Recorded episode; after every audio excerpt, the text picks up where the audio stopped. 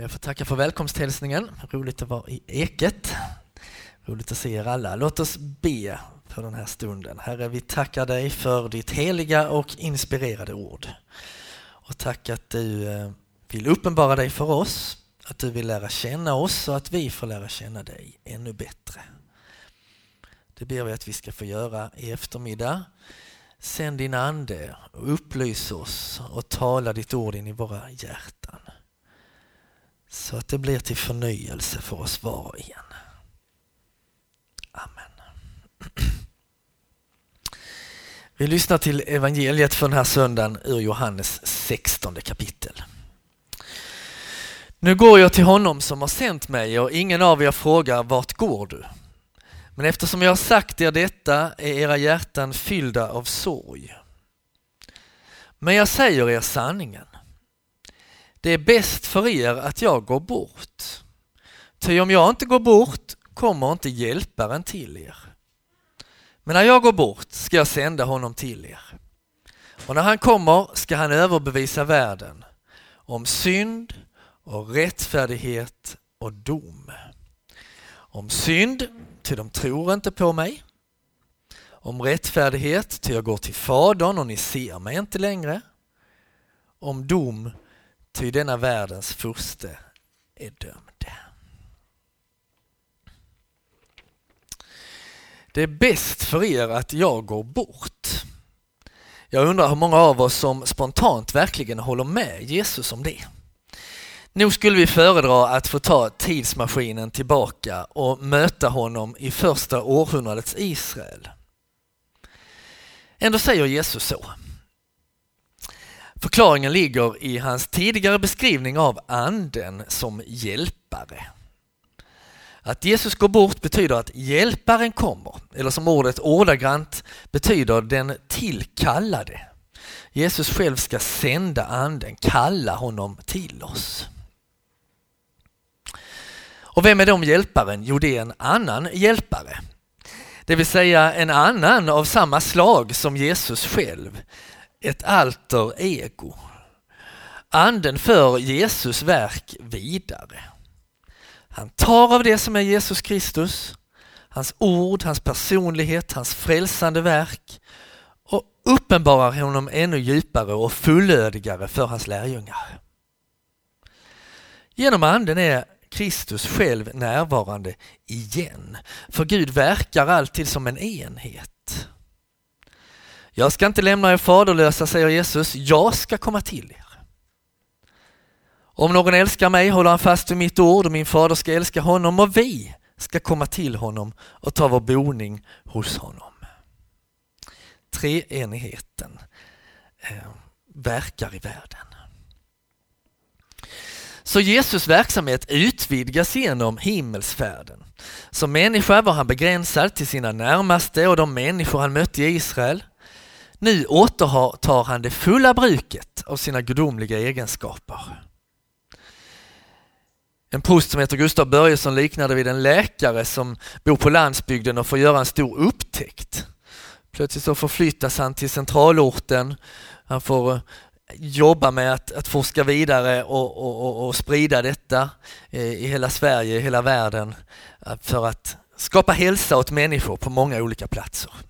Och på samma sätt, Jesus han lämnar sin begränsning och, och, och ingår i eh, sin obegränsade andliga verklighet.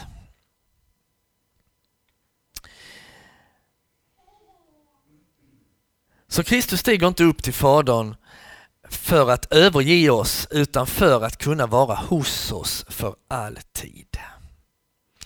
När apostlarna efter att Jesus har lämnat dem börjar grubbla över det här som vi så småningom ska kalla treenighetsläran så noterar de ju att Gud har varit över dem, bortom dem, Fadern som, som liksom var över sitt folk.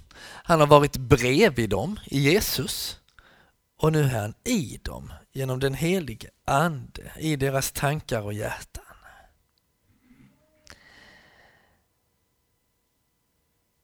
Så nära har Gud kommit oss att han till och med bor i oss, älskar och formar oss inifrån.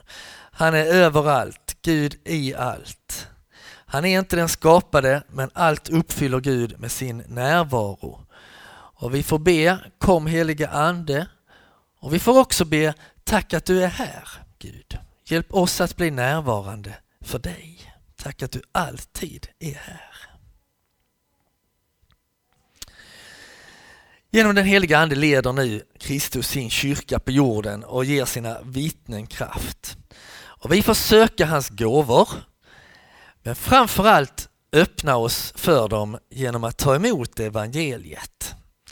Paulus frågar i Galaterbrevet, endast det vill jag veta, tog ni emot anden genom att hålla lagen eller genom att lyssna i tro? Ja, frågan är retorisk. Va? De tog emot anden genom att lyssna i tro. Och när vi förblir i Jesus, i lyssnande till honom, så skapar anden frukter och ger gåvor i våra liv. Och därför är vi samlade idag också, för att lyssna till, till Guds ord. Och anden är här. Vi skulle kunna säga mycket om andens verk. Det finns ju kyrkor som är helt fokuserade på den tredje trosartikeln som talar väldigt mycket om anden. Men det helt avgörande är att allt vi säger om anden får hänga samman med hans centrala uppgift. Den uppgift som Jesus här talar om, att överbevisa världen. Anden överbevisar människor. Han är spotlighten som sätter ljuset på Jesus och för människor till tro på honom. Gud vill gärna använda våra argument och motiveringar för tron, men i slutändan är en tro beroende av Andens överbevisning genom ordet. Det är till och med så vi skulle kunna definiera vad tro är för något. Det är Andens överbevisning i hjärtat genom ordet. Nu ska vi se på vad det är Anden upplyser om. Det första, om synd, ty de tror inte på mig. Människans utgångsläge är negativt. Av sig själv kan hon inte tro på Jesus. När han kommer hit avrättar världen honom. Det är otron, misstron mot Gud som föder synd. Begären blir oordnade så att man älskar det skapade mer än skaparen. Pastorn och författaren Timothy Keller förklarar det och skriver När vi upphöjer något gott till det högsta goda då kan man säga att vi är missbrukare i andlig bemärkelse. Om vi får vår mening för livet från familjen, arbetet eller något som vi åstadkommit från något annat än Gud, då blir vi slavar under detta. Vi måste helt enkelt ha det. Kyrkofadern Augustinus konstaterade att vi inte sätter det vi älskar i rätt ordning.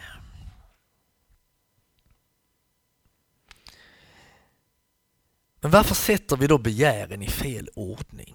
Varför älskar vi inte Gud i Kristus över allting? Om han nu är så helt fantastisk, varför gör vi människor oss då av med honom? Tänk dig att du möter en person som på flera områden kommit mycket längre än du själv. Han eller hon kan mycket om det mesta, är oerhört helgad och gudfruktig. Tjänar andra istället för att leva för sig själv och ha det bekvämt. Talar väl om andra, går aldrig in i något skitsnack eller så. En sådan person borde du högakta. Glädja dig över att få ha i din närhet. Men hur är det? Jag tror vi är lite likadana allihopa. Vi skulle känna oss i underläge. Och vi skulle nog också känna att det vi upplever som vårt existensberättigande utmanas i mötet med den här personen. Vi krymper liksom ihop och då får vi behov av att åtminstone på något område hitta något fel med denna människan. För vi har så svårt för att någon annan skulle vara i centrum. Se på mig, säger världen, men avslöjas i sin brist. Se på mig, jag är världens ljus och räddning, säger Jesus. Och ingen lyckas hitta något sant att anklaga honom för. Och det tål inte världen. Det hotar världen. För världen älskar att vara i centrum. Och det finns något också i dig och mig som inte tål Jesus. Det finns något i oss som inte alls blir begeistrade vid tanken på att han ska vara centrum och ämnet för lovsång i evighet. Vi bär på ett trots som väcker Guds vrede och som gör att han, trots att han älskar oss, faktiskt i utgångsläget är ett större problem för oss än vad djävulen är. Gud är god och kärleksfull och han bryr sig om godhet och kärlek. Det är hans standard. Total kärlek till honom och genom det en stor och varm kärlek till sig själv och sin medmänniska. Gud är inte förhandlingsbar eller flexibel. Helighet är hans enda mått. Så vi måste inse att vi har misslyckats i våra relationer. Vi är syndare. Vi misstror Gud och vi har ondska i våra hjärtan. Avund, småsinthet, bitterhet, skvaller, girighet, felriktade begär, förakt.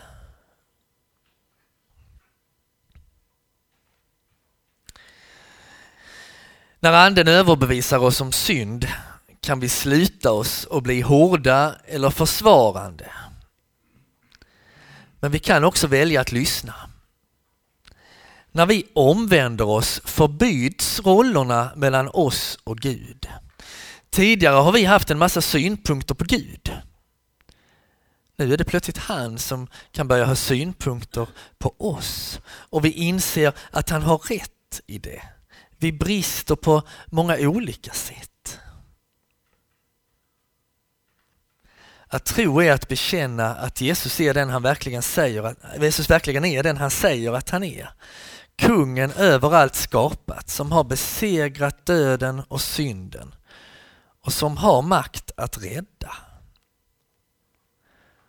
Och han vill också vara din Herre och din frälsare och min. om synd, ty de tror inte på mig. Det är vad anden först ska överbevisa om. Det ska liksom få hugga till i hjärtat. Det är rätt, jag har sökt min lycka på andra ställen än hos Gud. Jag har haft begär som varit oordnade. Saker har varit viktigare än att glädja mig i vem Gud är. Rättfärdighet, ty jag går till Fadern och ni ser mig inte längre. Jesus blir upptagen till himlen. Han flyger inte upp till sin fader som vissa tror. Jesus är ingen religiös raket.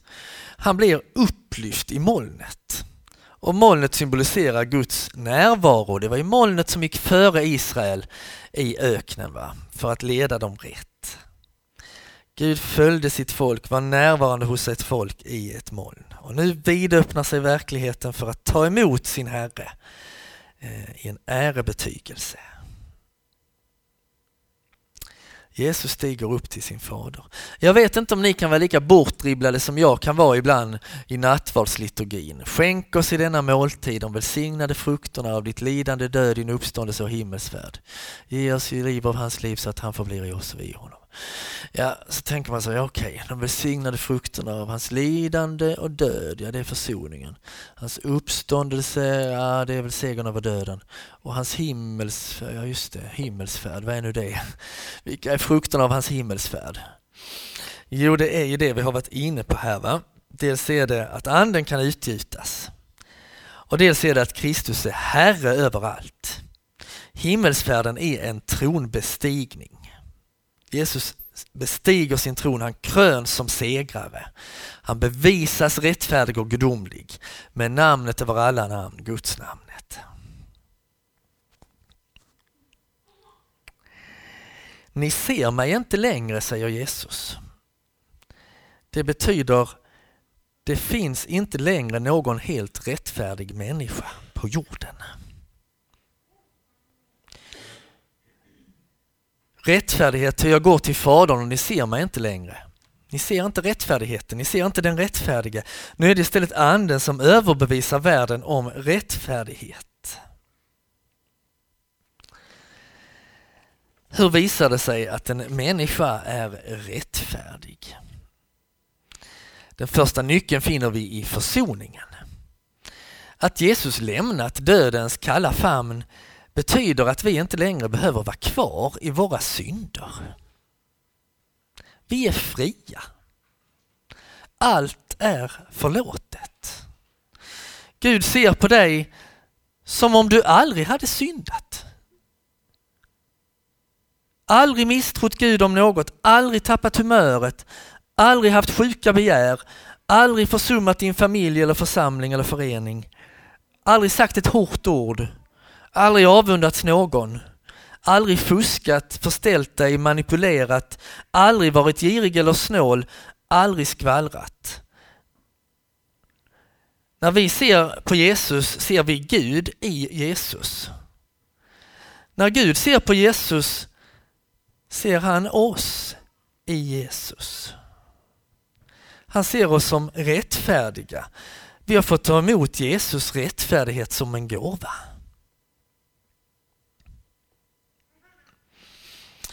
Jag har fått hjälp att tänka, om kritik riktas mot mig så vet Jesus om den är obefogad och frikänner. Om kritik och anklagelser är befogade, ja då får jag medge mitt misslyckande, ta ansvar för det, be om förlåtelse för det. Men sen får jag säga, Jesus har tagit straffet för det också. Det är Guds dom som räknas och han säger att jag är fri. Jesus säger aldrig, du ska veta att jag är besviken på dig. Det säger han aldrig. Han säger aldrig, det var väl för dumt det där.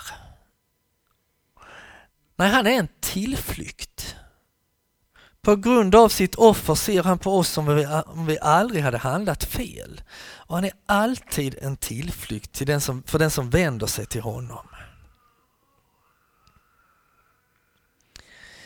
Ju mer vi bottnar i nåden, desto mindre kommer vi rubbas av andras småskurenhet.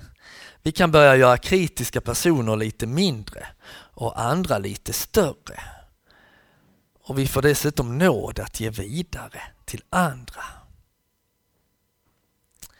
Vi har blivit rättfärdiga i Kristus.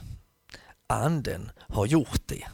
Vad gör anden mer? Jo, den andra nyckeln är att anden helgar oss och skänker sina frukter. Kärlek, glädje, frid, tålamod, vänlighet, godhet, trohet, mildhet, självbehärskning.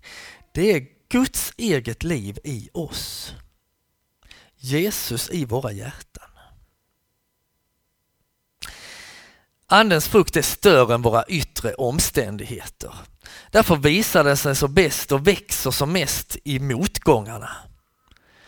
När vi möter människor som är svåra att älska måste vi be om Jesus kärlek. När vi möter sorg och svårigheter får vi be om tröst och glädje mitt i det. När vi drabbas av oro och konflikter måste vi be om Guds frid. När vi får vänta länge på hjälp och en väg framåt övas vårt tålamod. Anden visar sig när vi inte längre har alla naturliga resurser. Hans glädje bryter fram när vardagen inte är så glammig, när vi står där i vår vilsenhet. Andens frukt växer också fram i gemenskap med andra. Jag har ibland funderat på vad det är exakt är vi kristna menar när vi talar om att bli förvandlad av Jesus. Du kan bli förvandlad av Jesus, ditt liv kan bli förvandlat av Jesus. Det är väldigt stora ord. Och naturligtvis handlar det om att bli fri, bli förlåten. Eh, tron är fördold med Kristus men den rymmer ju enorma rikedomar av glädje och hopp eh, och frihet. Men det handlar också om frukten. Att stå ut med, ja till och med älska en samling människor som är lika stora syndare som en själv. när vi alla väljer att göra det kan församlingen eller föreningen göra evangeliet synligt i världen. När vi förlåter varandra likt Kristus har förlåtit oss. När vi överlåter oss till varandra som Kristus har överlåtit sig till oss. Jag mötte Jesus och mitt liv blev förvandlat. Jag blev fri och jag fick en ny kärlek till alla möjliga knepiga människor.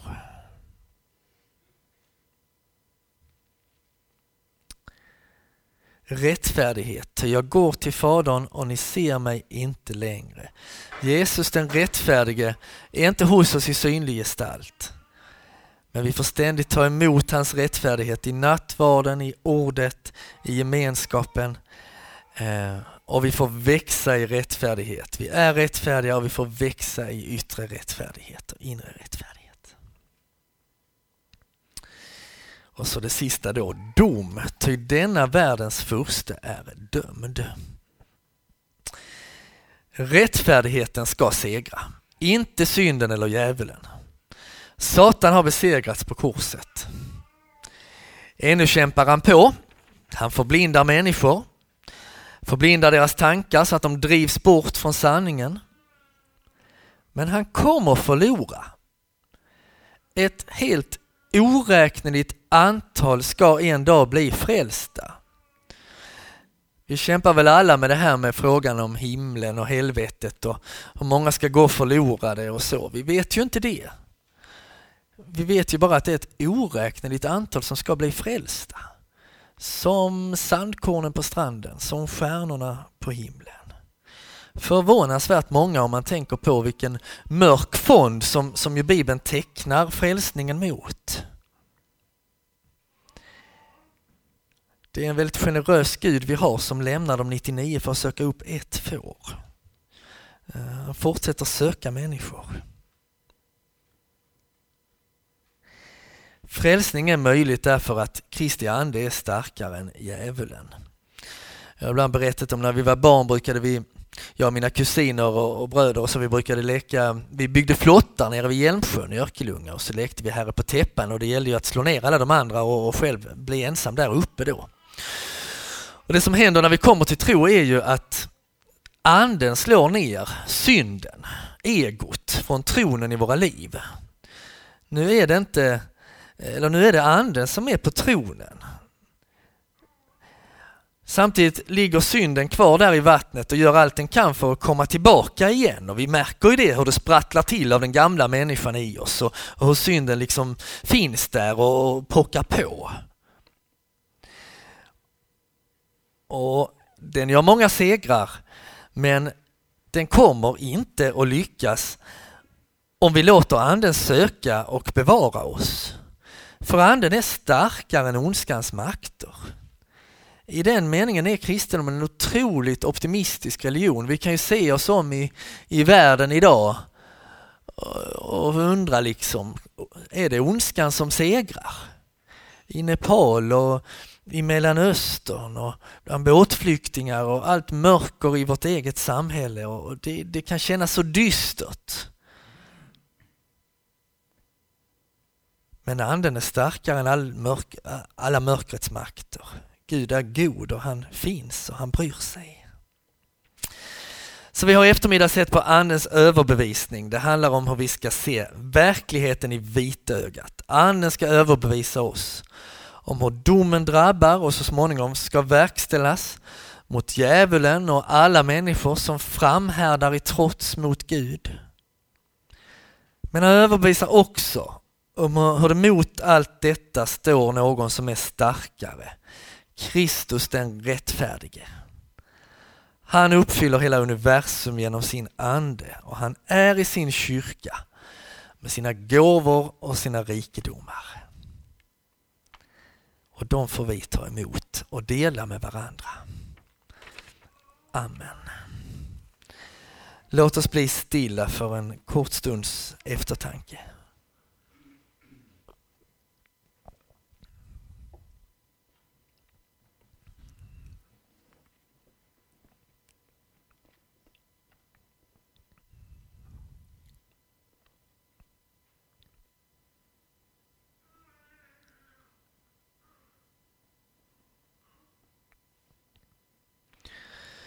Herre, vi skulle på så många sätt vilja ha dig här nu. Så att vi kunde prata med dig och, och få höra mer om alla dina hemligheter och allt det du är och få lära känna dig direkt. Och ändå vill vi tacka dig för att eh, du sänt din ande så att människor över hela vår jord kan möta dig och lära känna dig. Och vi tackar dig för att vi en dag ska få möta dig ansikte mot ansikte. Vi ber att du ska bevara oss i tron. Tack för att du har gett oss din rättfärdighet. Hjälp oss att leva rättfärdigt. Låt din andes frukter få växa i oss. Och vi tackar dig för att du har besegrat synden och djävulen. Och vi ber om hjälp i kampen mot deras frestelser.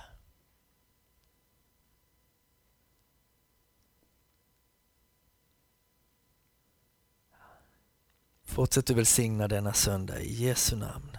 Amen.